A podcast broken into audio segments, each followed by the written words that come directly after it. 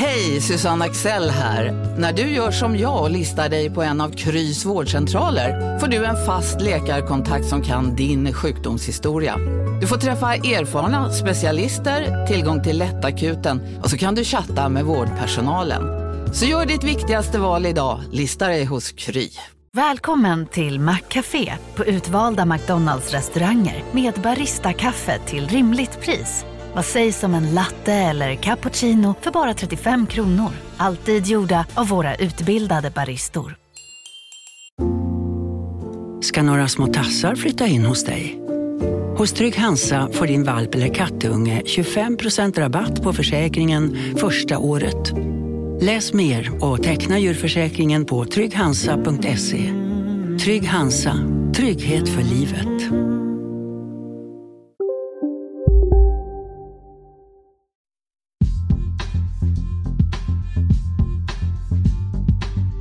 Självklart att det är en arena som, som ska eh, hållas öppen och, och eh, skyddas. Det stora hotet mot eh, yttrandefrihet och tryckfrihet är ju just hot och hat. Och det är ett hot och hat som ökar i Sverige och utomlands. Det finns eh, utställare som, som står för ganska radikala åsikter åt det anarkistiska hållet. Det finns djurrättsorganisationer som kanske inte bara ser fredliga metoder alltid, även om man inte torgför de här. För jag tror inte att mässledningen har varit konsekvent.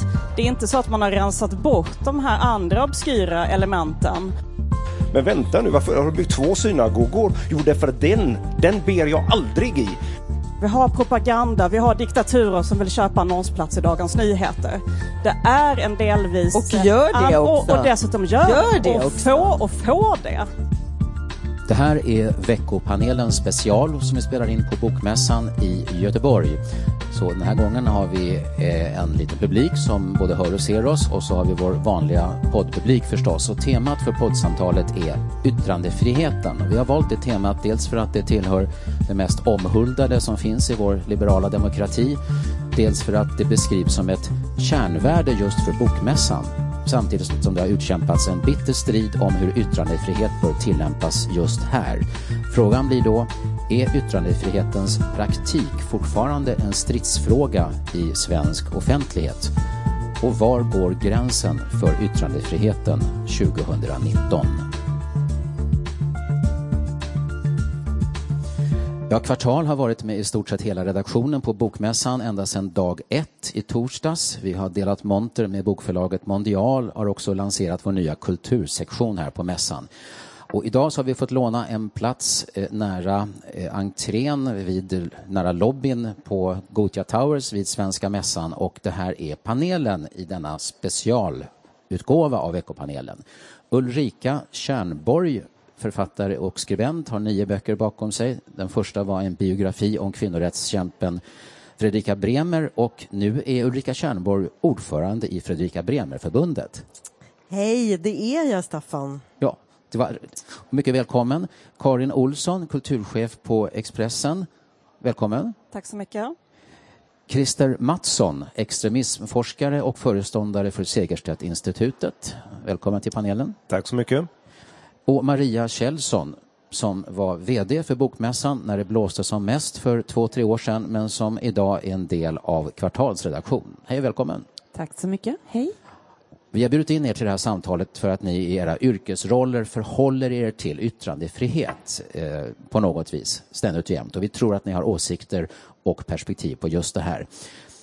Välkomna till veckopanelen special. Jag heter Staffan Dopping. Min tanke är att det här samtalet ska få bölja lite mellan nu och då. Att det ska ha plats både med högtidliga principer och, och konkreta händelser och skeenden där yttrandefriheten ställs på sin spets. Och vi kommer knappast undan turbulensen eh, från kring högerextrema Nya Tiders medverkan på Bokmässan 2016 och 2017 ledde till protester, upprop och bojkott.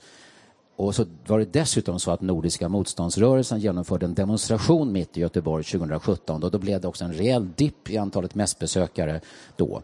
Men förra året, då var Nya Tider portade från Bokmässan och de finns inte här nu heller. Vad är de viktigaste lärdomarna från det som hände 2017? vad just yttrandefriheten anbelangar. Det vill jag att alla i panelen till att börja med bidrar med. Viktigaste lärdomarna. Ulrika Kärnborg. Jag tror att jag måste börja med var jag befann mig då, eh, när vad ska vi säga, tumultet bröt ut första gången. För det var en ganska intressant position för då satt ju jag i styrelsen för Sveriges författarförbund. Och det var en väldigt, det är ju en speciell position, jag är ju också journalist. Man kan säga att de här olika förbunden, Journalistförbundet och Författarförbundet, de intog ju ganska radikalt olika ståndpunkter i den där frågan. Och för oss som eh, jobbade inom Författarförbundet så ledde, ledde ju faktiskt det här till att förbundet splittrades kan man säga. Eh, så att olika författare drog radikalt olika motsatser. Det fanns en falang som sa att de rent fysiskt kanske lite överdrivet, men det var så de uttryckte det. Rent fysiskt var rädda för att åka till mässan. De hade egna upplevelser av hat och hot mot sig själva och sina författarskap kanske också i rollen som opinionsbildare. Så de sa, vi, vi åker inte dit, vi går inte in på det där stället om Nya Tider är där. Vi kommer i så fall börja medverka med Litteraturhuset i Göteborg istället. Sen fanns det andra som tyckte tvärtom. Vilka fegisar ni är! Vågar ni inte ens åka och möta de här personerna på plats? Vad är det då bevänt med er som författare? Och så där böljade debatten fram och tillbaka. Eh, för mig blev det så att jag rent personligen inte kom att ta ställning därför att jag inte var på Bokmässan just det året. Eh, jag kan säga så här efteråt. Men du skrev ju under det här uppropet. Det finns ju, ditt namn finns ju med där som publiceras i Dagens Nyheter. Nej, ja, det är jag faktiskt inte helt säker på. Som vice ordförande. Ja, det kanske jag gjorde. Jag skrev också en ledare där jag förklarade att jag hypotetiskt, om jag skulle ha åkt till Bokmässan det året, inte skulle gått in eh, på Bokmässan. Men jag, behövde, jag gjorde inte någonting då i, i praktiken, så att det var en slags mm. Skrivbordslösning kan man säga. Ja. Uh, ja, Du, du, kan återkomma Ulrika, det ja. var en, en, en, bra bakgrund där. Jag ska, bara säga, idag, jag ska bara säga hur jag hade agerat idag. Så hade jag agerat så att om jag också hypotetiskt hade varit ordförande för en större organisation, ett förbund, så hade jag tyckt att det förbundet skulle medverka på mässan, även i närvaro av Nya Tider. Kanske som privatperson, opinionsbildare och författare så har jag ändå valt att medverka med Litteraturhuset i Göteborg som sån här enskild aktör. Det jag har landat i för någon slags handlingsplan. Okej. Okay. Mm. Karin Olsson, vad är din viktigaste lärdom av det som skedde för två år sedan här? Ja, men det visade ju verkligen hur en, eh, vad ska man säga, den här lilla, lilla tidningen Nya Tider som har en väldigt marginell position i den eh, högernationalistiska, extremistiska miljön, en väldigt liten tidning, hur den så fullständigt kom att splittra eh, Sveriges kultur och medievärld till den punkt att faktiskt bokmässan hotades, skulle jag säga. Um, och det här var ju liksom en debatt som pågick under flera års tid. Eh, och då för två år sedan när det var de här nazistdemonstrationerna utanför, det var rena slagfältet utanför mässan. Då vet jag att när jag åkte hem kände mig väldigt ledsen. Det har varit ganska tomt eller glest på mässan, många som inte var här. Eh, de alternativa mässorna drog många av de unga och radikala. Det hade försvunnit förlag, förlag från mässgolvet. kände mig väldigt ledsen. Och skrev då i en krönika när jag kom, eller på tåget hem, började skriva den. Och då skrev jag att ja, nu när liksom bokmässan kommit att gå under öknamnet nazistmässan, då kanske det ändå är så att man måste gå till att bli PK-mässan för att lyckas läka ihop den här världen. Eh, och det var också den vägen man valde att gå lite och där vi är nu. Um, så det var kanske jag vet inte, priset man fick betala var att man kanske slipar bort lite de här, det obekväma mässan, det som kan vara störande, stötande, skavande på allvar. Det har man ju slipat bort för att alla ska kunna samsas och vara glada i den här etablerade världen. Och eh, ja... Blev, blev det bra? Som det blev? Det blev ju bra på så sätt att vi har en livaktig och fantastisk mässa här nu. Det får man ju ändå säga. Du, när du sa livaktigt så hörde jag först ordet livvakt. Livaktig.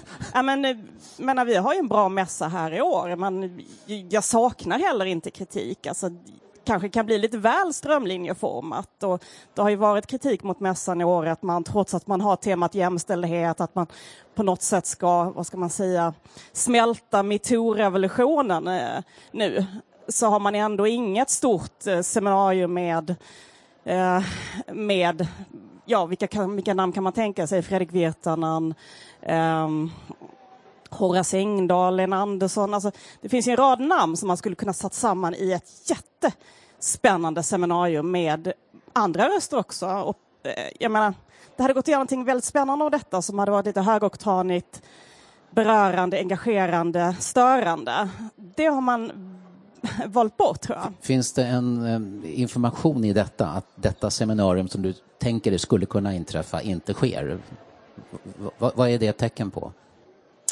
Det är ett tecken på dels förlagen som inte heller har lyft fram de här författarna. Jag tror inte förlagen heller skulle vara så bekväma med att pusha fram de här namnen och har säkert inte legat på bokmässan om detta. Och bokmässan tror jag kanske är lite skotträdd efter allt som hände och vill hellre att det ska vara gott humör och kanske lite att vi ska stå lite närmare varandra i, i våra samtal. Alltså därmed inte sagt att det inte saknas spännande, bra samtal här. För det finns jätte jättemånga. Mm. Jag menar, det är fantastiska författare här, det finns jättebra paneler. Så jag menar, jag vill verkligen inte säga att det har blivit helt slätt. Men jag, menar, jag tror att man kanske har blivit lite för rädd för det, ja, det, är lite, det obekväma. Jag ska alldeles strax ta in Christer Mattsson och Maria Kjellson, men Ulrika Kärnborg vinkade. Nej, jag vill bara kommentera att jag tror att det är en extremt hård dragning om man ser liksom att en, en typ av PK-kultur som kanske finns på mässan men som finns i hela Sverige, att den skulle bero på debaklet kring nya tider. Det har ju alltid varit så i Sverige. Jag menar, det är liksom eh, ett land som baseras på en konsensuskultur har alltid gjort det. Så det, jag vill bara, jag vill bara mm. protestera. Okej, okay. Christer Mattsson. Jag tror inte jag håller med riktigt om den protesten faktiskt. Eh, eh, eh, jag tror vi gärna odlar bilden av en konsensuskultur men i själva verket så den liberala demokratin eh, bär ju i sitt innersta väsen polarisering. Och det som jag uppfattar som problematiskt det är föreställningen att vi inte vill ha ett polariserat debattklimat och, och vi varnar för detta hela tiden. Så rent socialpsykologiskt så skulle jag säga att det är fullständigt oundvikligt. Det, det finns ett klassiskt eh, judiskt skämt som, som, går ut på att eh, Robinson Crusoe var jude i själva verket. Och när han blir räddad på den här ön då så går han och visar upp det här samhället han har byggt upp i sin ensamhet. Här är mitt boningshus, här har jag byggt en synagoga, här har jag byggt en ladugård, här har jag byggt en synagoga. Men vänta nu, varför har du byggt två synagogor? Jo, därför att den, den ber jag aldrig i. Så, som människor så eh, identifierar vi oss inte bara med dem som vi ser oss likadana som, utan de som vi inte är också. Och det var ju det som hände i debatten om Nya Tider. Att då, eh, några positionerade sig som de de ville vara i förhållande till en väldigt marginell eh, grupp. Och, och, faktiskt riskerade att spränga hela eh, bokmässan. Inte för att den gruppen var så viktig, utan deras egen identitet var så viktig. Ja, jag vill bara säga att bara för att jag konstaterar att Sverige har en väldigt tydlig sån här konsensuskultur så behöver man inte tycka att det är bra. Jag behöver inte tycka att det är bra. Tvärtom tror jag att den har liksom varit extremt farlig historiskt. Jag har hållit på så himla mycket med 1600-talet, jag ska inte tjata om det. Skrivit romaner och sådär, men det går ju tillbaks liksom en ganska stenhård eh, någon typ av enhetskultur som bankas fram liksom i Sverige på gott och ont och som också gör Sverige till ett väldigt framgångsrikt eh, land under århundradena och sådär. Eh, så min enda invändning var egentligen, är det här någonting nytt? Ja. Var det här något speciellt? Nej, det skulle jag inte säga. Eh, och den PK-kultur som det eventuellt gav upphov till, var det liksom någonting som skilde sig från hur det har varit tidigare? Jag tycker inte det. Utan jag tycker att den enda stora, stora skillnaden nu, det är snarare lite tvärtom. Att det har blivit någon slags oskuld som har brustit på något sätt. Att det är någonting, alltså ett nytt samtal, en ny medvetenhet. Världen har blivit lite större skulle jag säga. Det gäller både, jag, nu får inte jag kanske fortsätta i all oändlighet, men det gäller bo, både den här frågan om nya tider, om nya främlingsfientliga krafters spel i Sverige för första gången eh, sedan kriget.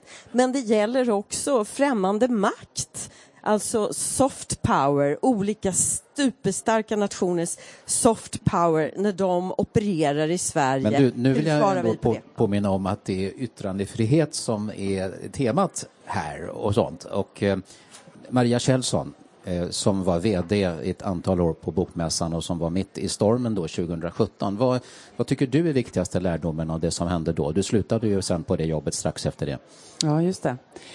Eh, det finns väl oerhört många lärdomar att göra och precis som Karin säger så är vi på en mässa nu som jag tycker när jag historiskt går tillbaka på de mässorna jag har varit på känns som om att den bataljen som utkämpades, som man får kalla det där, aldrig har ägt rum. Alltså det känns som innan.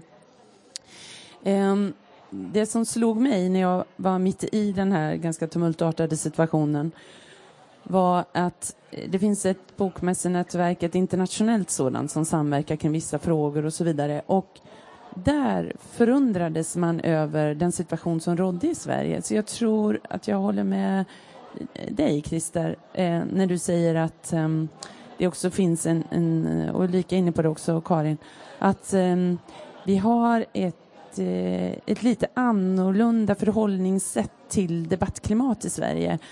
Och, och, det är väl just det att man inte vill dela golvet, man har, man har svårt att sitta i samma soffa med vissa partier och, och det har vi ju sett bakåt i tiden också. Eh, men det blev väldigt tydligt för mig när jag blev inbjuden till bokmässor i Tyskland och jag blev uppringd av både italienska, franska, danska och norska dagstidningar som bad mig beskriva vad den här författarbojkotten, om det verkligen var som de uppfattat att författare bojkottade bokmässan på grund av med eh, tema yttrandefrihet för att vi hade en högerextrem utställare. En, en, ett oförstående ifrån andra länder. Karin? Ja, då, jag argumenterade ju då eh, för att Nya Tider skulle få ställa ut och att det inte hotade mässan eh, utan att det snarare liksom var en del av den här traditionen som mässan alltid har haft. Att det alltid funnits de här marginella små montrarna i utkanterna med allt från Leninhöna till konspirationsteoretiker till folk som säljer egenutgivna konstiga böcker. Alltså den här lite störande bruset som befinner sig utanför mittfåran har alltid varit en del på mässan. Eh, jag vet inte om jag själv liksom skulle vara så otroligt sugen på att gå och samtala med Nya Tider eller ha en debatt med dem. Jag vet inte om det skulle vara så meningsfullt. Men jag menar att att de var här, det skulle ge oss alla en chans att visa, titta vad många vi är med vårt mäktiga på många sätt diversifierade samtal präglat av humanism och präglat av um, en ja, men ett riktigt samtal, hur många vi är. Otroligt få och små och löjliga de där är. Eh, så att, men att vi lät den här lilla tidningen utgöra det här enorma hotet så att det splittrade hela författarsverige, det var ju väldigt sorgligt. 2017 var det som sagt var enorm turbulens och det var fram och tillbaka. Ni, ni bytte fot flera gånger, eh, Maria Kjellson, och till slut fick de vara här. Men förra året, 2018, så var de portade från Bokmässan som hade en ny ledning och då skulle jag vilja ställa en förenklad fråga, kanske lite väl förenklad fråga till er.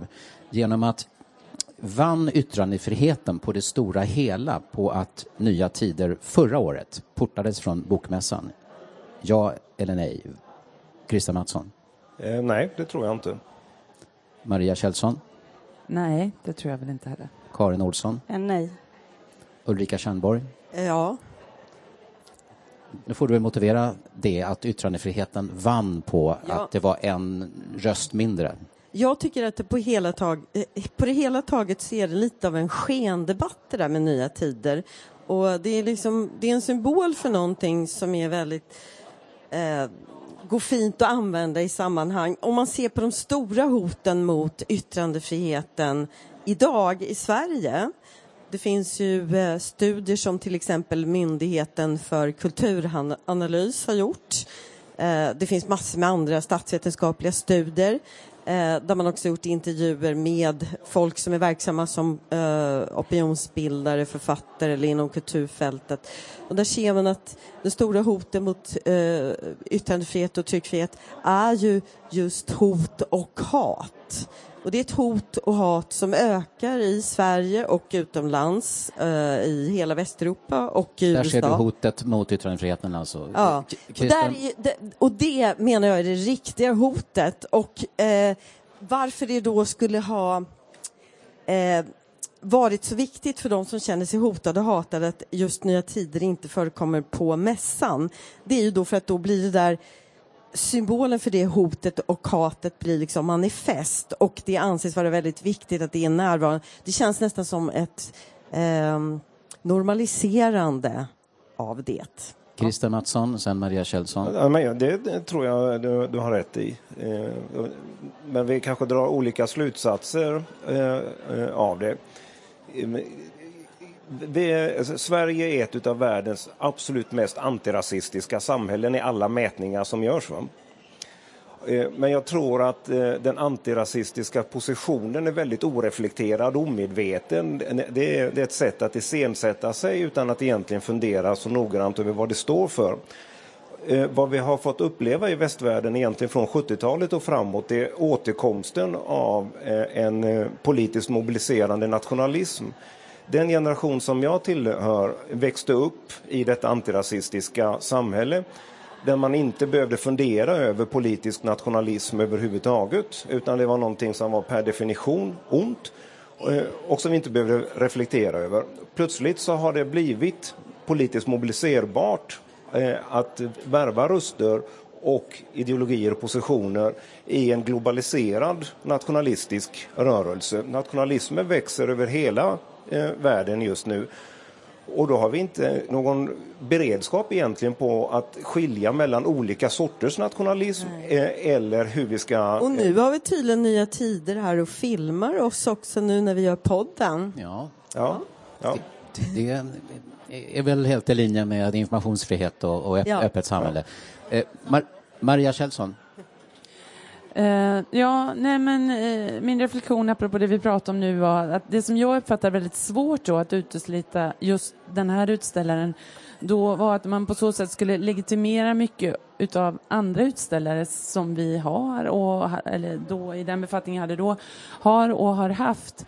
Så att skiljelinjen för mig då som ansvarig tyckte jag var väldigt svårt att identifiera. Sen har jag väldigt stor respekt för att mässledningen kom till den konklusion man gjorde för att det här är en fantastisk mötesplats och den måste få vara kvar. Den har en viktig plats i det svenska samhället. Um, men det är, var en märklig företeelse hur, hur um, den här, till skillnad från många andra obskyra utställare som har funnits, skapade den här enorma... Det blev ju som en vattendelare. har, har du fått den effekten menar du? Att, att eh, det har blivit en slags allmänt godk- godkännande stämpel eller här varudeklaration, VDN-märkning på att de som är här, de är schyssta? Jag ska inte gå in och, och recensera något sådant, men, men min uppfattning då var att jag vet ju en hel del utställare som har, har åsikter som kanske inte är de gängse och, och som torgför dem. Men de hade inte fått tillmätts den eh, eh, vikten att skapa det här tidigare. Karin Olsson, håller du med om att det här kan vara Eh, en, en effekt som kanske inte är önskvärd? Ja, för jag tror inte att mässledningen har varit konsekvent. Det är inte så att man har rensat bort de här andra obskyra elementen och sagt att det här ska bara vara ett forum för eh, vad ska man säga, alltigenom rumsrena etablerade medier, förlag etc. Utan man har just eh, sagt nej då till Nya Tider och möjligtvis något mer. Jag har inte insyn i det arbetet, men man har inte varit konsekvent i sin linje i min bild. Och då blir det lite problematiskt. Så ja, man, de här eh, ganska vänsterextrema elementen, de är kvar, eller de här konstiga konspirationsteoretikerna. Det finns säkert böcker som säljs Vilka här är det som är inte kvar alls- menar du som är... Okej hörni, gänget! Vad är vårt motto? Nej, allt är inte alltid som du tror. Nu täcker vårt nät 99,3 procent av Sveriges befolkning baserat på röstteckning och folkbokföringsadress. Ta reda på mer på 3.se eller i din 3-butik. Hej, Synoptik här. Livet med glasögon ska vara bekymmersfritt. Därför får du 30% på alla glasögon när du väljer Synoptik All Inclusive. All service ingår alltid. Välkommen till Synoptik. Big Mac har miljarder fans över hela världen. Under mer än 50 år har den skapat popkulturell historia. En legend med 100% nötkött och den mytomspunna såsen. Nu finns Big Mac för bara 39 kronor på McDonalds. Finns det några exempel på sådana såna extrema som du vet? Ja, men, I alla fall under min tid då, så det fanns eh, religiösa åsikter som skiljer sig definitivt ifrån ja. det gängse ja. eh, vad gäller hur många kvinnor man kan vara gift med. Det finns eh, eh, utställare som, som står för ganska radikala åsikter åt det anarkistiska hållet. Det finns djurrättsorganisationer som kanske inte bara ser fredliga metoder alltid, även om man inte torgför de här så skulle man göra samma genomlysning som vi lät göra utav Nya Tider och så vidare. Så att eh, jo då, det, det finns det. Låt oss borra lite djupare i principen om yttrandefrihet och dess innersta kärna. Den här principen finns ju både i vår grundlag och i FNs förklaring om mänskliga rättigheter. Och om man går in på till exempel Svenska förläggareföreningens hemsida så står det så här om yttrandefrihet och tryckfrihet. Yttrandefrihet, freedom oh. of speech. Ska jag, ska jag be Nya Tider be mig att svara lite på frågor nu under podden? Säger alltså vi har, jag tycker inte det är en särskilt bra idé att vi plötsligt byter format här. Som, det, nej. Ja, det, han kommer fram och sa det att han vill att jag svarar lite mer tydligt på jag, jag, tycker, jag tycker du ska respektera att vi har ett format som heter Veckopanelen special och eh, vi har begränsad tid och folk ska vidare på andra saker. Så att, men som sagt var, vi talar ju om, om de yttrandefrihetsfrågor och hoppas att de blir belysta på ett bra sätt. Nu har du ingen mikrofon, det blir jätte, jätte asymmetriskt här. Och jag, jag, nej men jag, du, jag, du är... Vi praktiserar inte yttrandefrihet. Var kommer du ifrån? Jag kommer från Nya Tider. Jaha, det är en slags eh, foto, ljudbombning här som jag tiden gör under... Okej. Okay. Eh, jo, som sagt var, jag tänkte läsa lite grann om vad som står på Förläggarföreningens hemsida om yttrandefrihet. Och det är då bland annat att yttrandefrihet innebär att varje medborgare gentemot det allmänna är tillförsäkrad en rätt att offentligen uttrycka sina tankar, åsikter, känslor och i övrigt lämna uppgifter om vad som helst och den, den, här har ju de flesta hyllat i, jag höll på att säga århundraden, eftersom det finns kopplingar till tryckfrihetsförordningen. Jag har själv två reflektioner om, om det som står här. Dels att det är väldigt långtgående. Man ska få uttrycka tankar och åsikter om vad som helst. Eh, men det sägs också att den här friheten har varje medborgare gentemot det allmänna. Och då tänker man på staten och polis och domstolar och andra myndigheter. Men gäller det den här principen? Gäller den också på evenemanget Bokmässan? Eh, vad säger Christer Mattsson? Ja, eh, att uttrycka vad som helst är ju inte samma som var som helst eller när som helst utan var och en eh, får ju också skapa sina egna plattformar för att uttrycka det man vill, vill uttrycka. Eh, eh, eh, man är ju inte garanterad att få subventionerat delta och få sin röst hörd. Sen finns det också begränsningar i, i hotlagstiftning och hets mot folkgrupp då, som, som begränsar detta. Men man ja, kan, man kan... de är ju undantagen så att säga, va? men, men portalformuleringen ja, ja, handlar ju, är ju väldigt långtgående och frågan är, borde bokmässan så att säga, tolka den här på det mest vidsträckta sätt? Vad säger Karin Olsson? Ja, men, eh, det, är på något sätt, det här är lite pudelns kärna på något sätt. Vilket ansvar har menar, privata institutioner, medier, vilket ansvar har vi för att den här möjligheten till yttrandefrihet som vi har ska kunna förverkligas i praktiken? Eh, och på den frågan finns det många olika svar. Eh, jag menar att ju bredare forum man är, ju mindre kurerad man är. Alltså, som Bokmässan har jag så här, varsågod köp en monterplats i princip. Ganska liten kontroll, det är inte så att man bläddrar böckerna och ser så att allt där är, är godkänt så att säga. Utan det, det är inte så kurerat, utan man öppnar portarna, man får betala för sin plats. Och man är den absolut ledande aktören i genren bokmässor i Sverige. Då tycker jag att man bör ha en väldigt liberal hållning. Är man däremot en mindre plattform eller som en liten tidskrift som är väldigt kurerad och specialiserad, ja men då kanske kraven på åsiktspluralism är ganska små. Eh, så jag tycker att det, det skiljer sig väldigt mycket åt vad man är för typ av aktör i vilket ansvar man har för att vår yttrandefrihet ska kunna realiseras. Men jag menar att alla vi, menar, jag jobbar på Expressen, en av Sveriges absolut största tidningar. Klart att vi har ett jättestort ansvar att se till att vi får en åsiktspluralism. Samtidigt som vi är ett redaktionellt sammanhang där vi självklart ska kunna ha en hållning, en linje, driva opinionsbildning, eh, i, i den riktningen som vi vill. Det är ju hela poängen med att ha en dagstidning eh, som också har en politisk färg. Jag menar, det är självklart att vi inte släpper in alla, men vi har ett ansvar att sträva mot en pluralism. Mm. Men där får varje aktör ha sitt samtal var man drar sina gränser. Jag håller med Ulrika om att den här diskussionen har blivit mer komplicerad på de senare åren. Men när vi har, precis som Ulrika säger, desinformationskampanjer, vi har propaganda, vi har diktaturer som vill köpa annonsplats i Dagens Nyheter. Det är en delvis... Och gör det också. Och, och dessutom gör, gör det och, också. Får, och får det. Eh, och där skulle jag vilja dra en gräns att, eh, ja, det tycker jag inte att Dagens Nyheter har en plikt att göra för att förverkliga Nej. yttrandefriheten i Sverige så att säga. Men alla drar sina gränser och det, det är precis kring detta som debatten står. Ja, och jag, tyck, jag tycker att det här illustrerar liksom vårt samtal som vi pratar om. Problemen med just Yttrandefriheten är ju en juridisk fri och rättighet, en av de viktigaste liberala rättigheterna. Sen så i praktiken så har den ju alltid varit villkorad. Eh, den styrs ju av ekonomiska tillgångar, den stil, stel, eh, vad heter det, styrs av olika eliters intressen. Och så har det ju varit sedan 1700-talet när de här liberala fri och rättigheterna liksom började tillämpas i Europa. Eh, sen så finns det ju alltid det här också att det också styrs liksom av rent fysisk styrka och våldsutövan och så vidare. Eh, så att man kan både med ekonomisk styrka men också med liksom rent fysisk styrka tysta sina meningsmotståndare.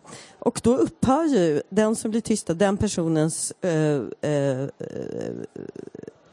yttrandefrihet upphör ju i det ögonblicket. Mm. Så jag menar att yttrandefrihet också är någonting som måste skyddas. Inte bara på det juridiska planet utan också liksom av de demokratiska institutionerna. Därför att det finns hela tiden ett hot. Det kan vara militärt, det kan vara fysiskt, det kan vara ekonomiskt mot att inskränka mm. den. Ja. En person som av många anses vara en betydande auktoritet inom yttrandefrihetsområdet är juristen Hans-Gunnar Axberger. Han är numera professor i konstitutionell rätt vid Uppsala universitet men han har också varit justitieombudsman och pressombudsman. Och han skrev för 25 år sedan en bok med titeln Pressetik. Där lägger han ut texten om just yttrandefriheten eh, som då medborgarna, som han skriver, i demokratiska upplysta länder har tillkämpat sig. Eh, och eh, Axberg beskriver yttrandefriheten som ett revir.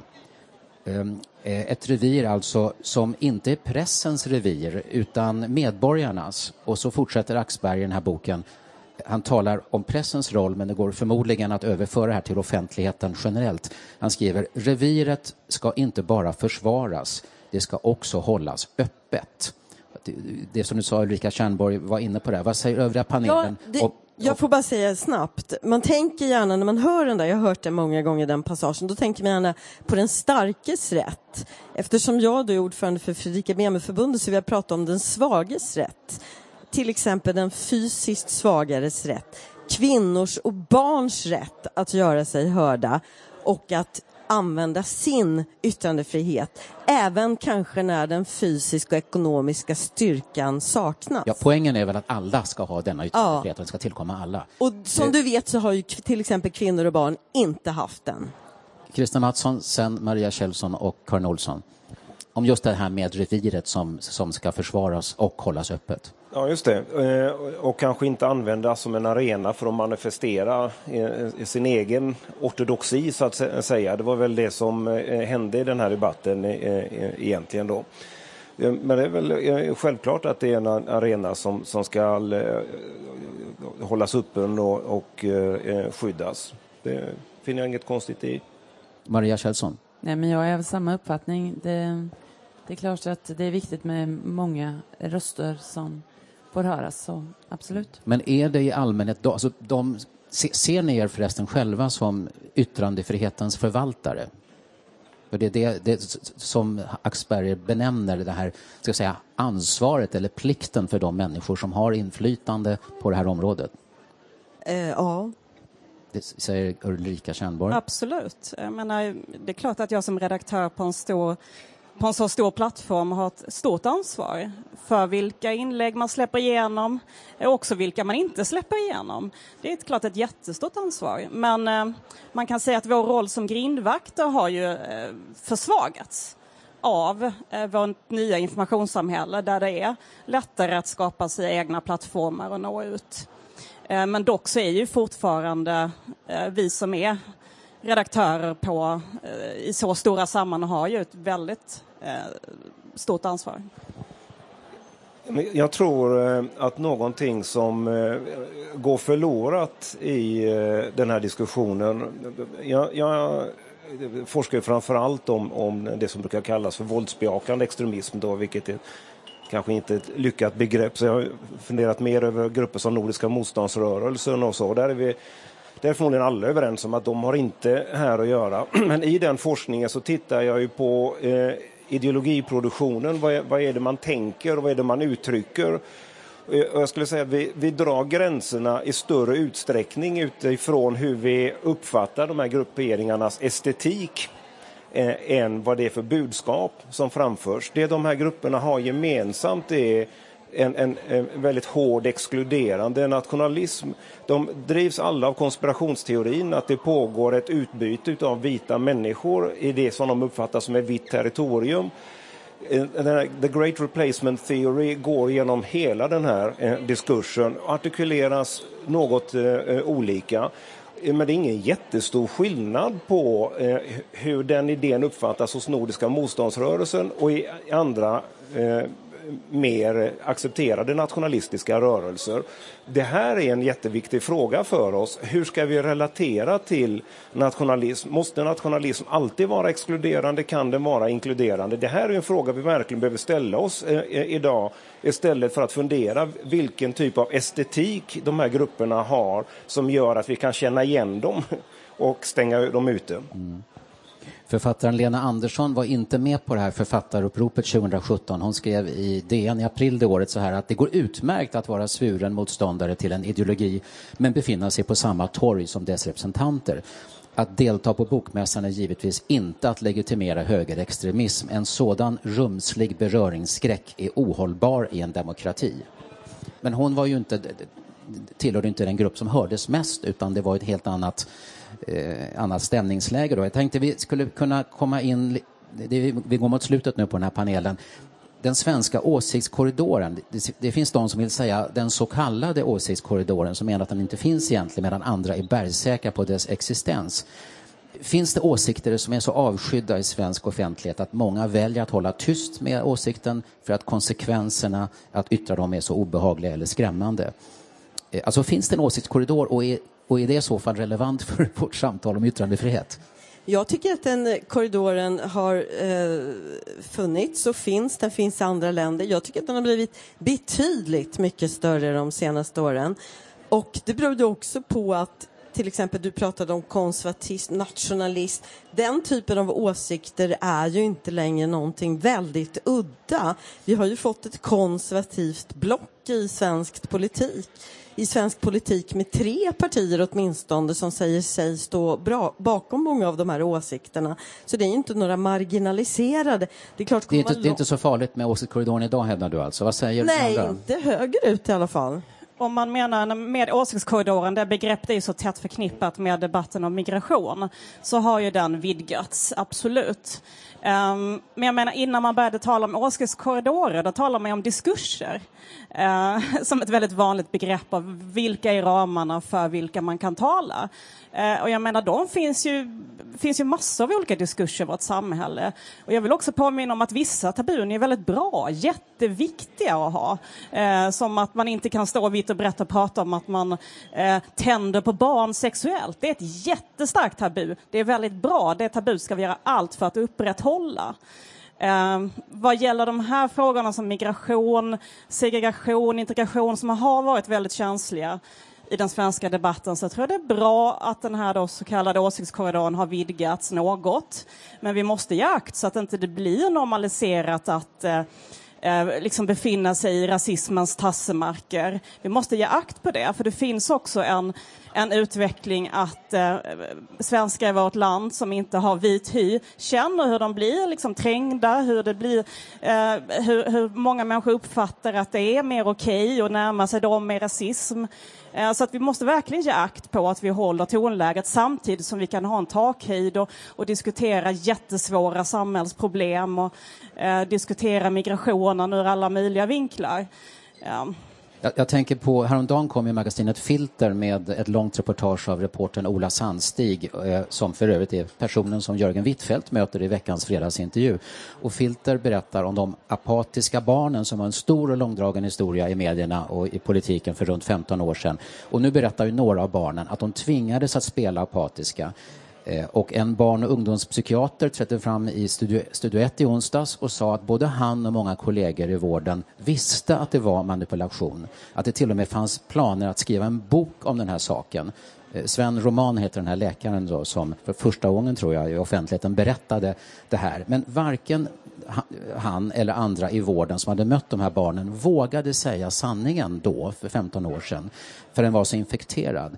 Så frågan om de apatiska barnen, där man nu, alltså 15 år senare, eh, så kommer det fram, eh, det som, och barnen själva blir tillfrågade för första gången. Vad säger det eh, när det gäller just åsiktskorridoren och yttrandefriheten i Sverige?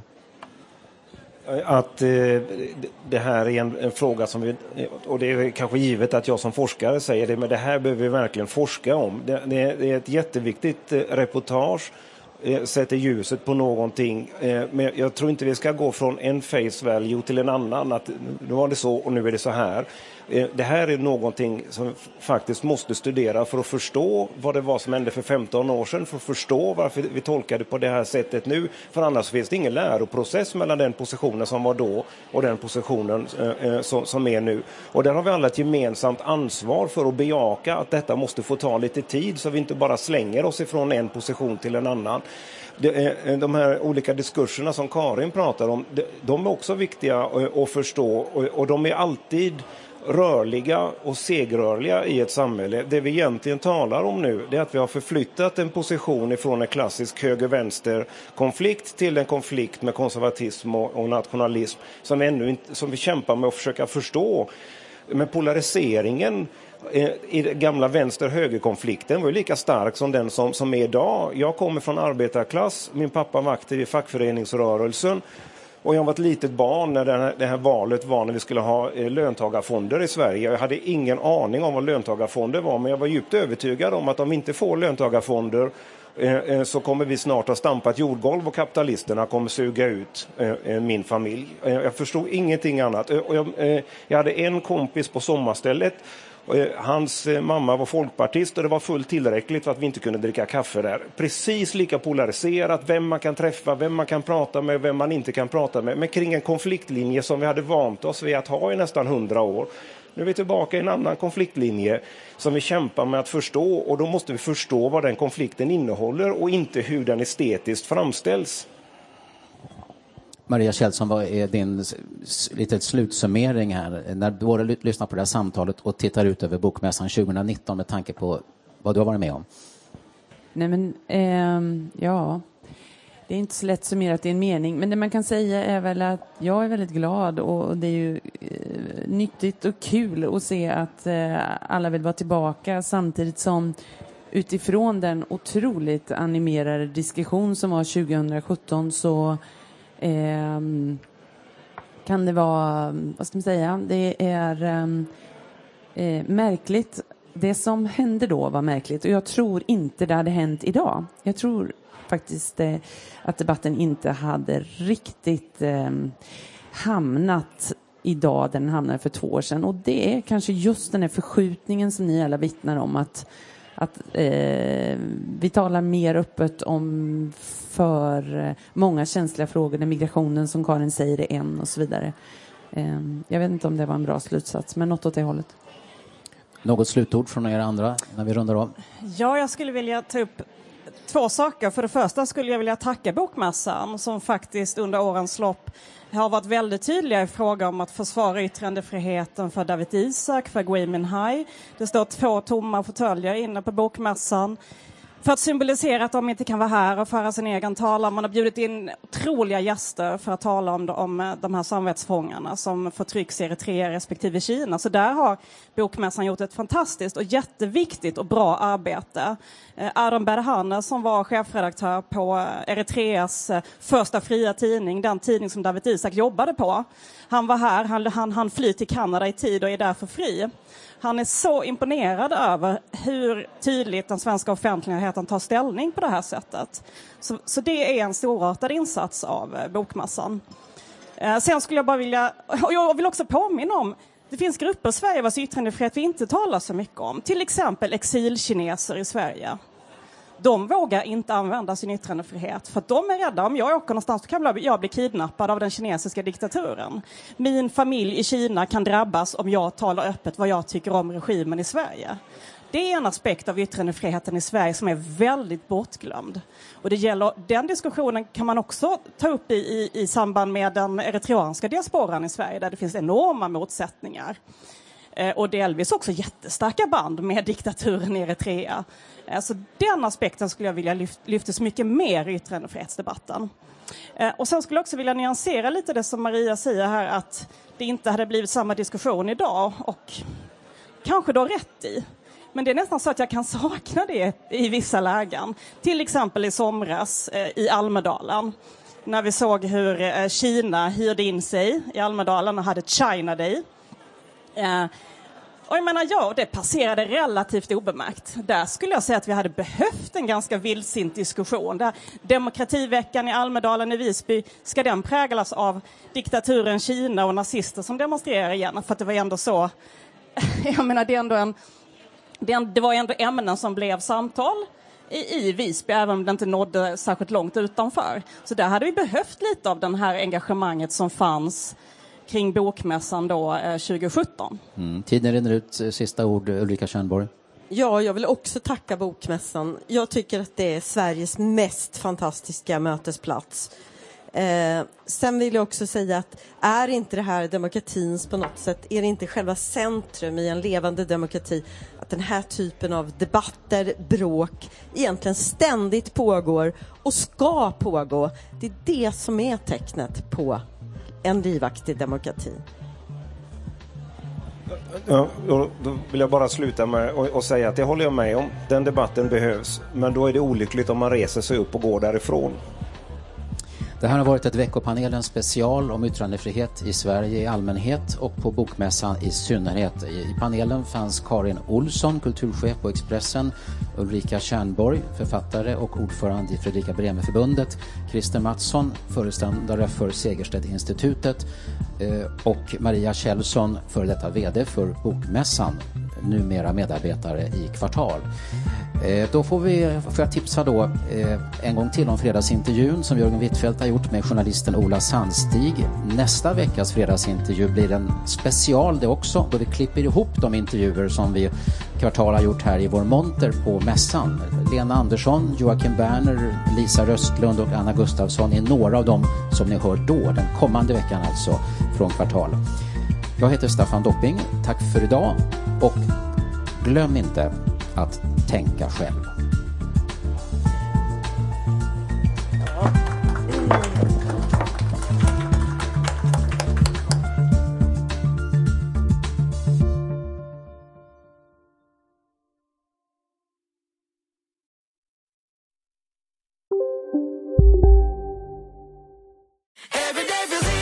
Som medlem hos Circle K är livet längs vägen extra bra.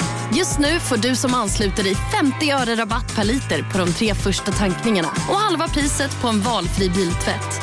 Och ju mer du tankar, desto bättre rabatter får du. Välkommen till Circle K.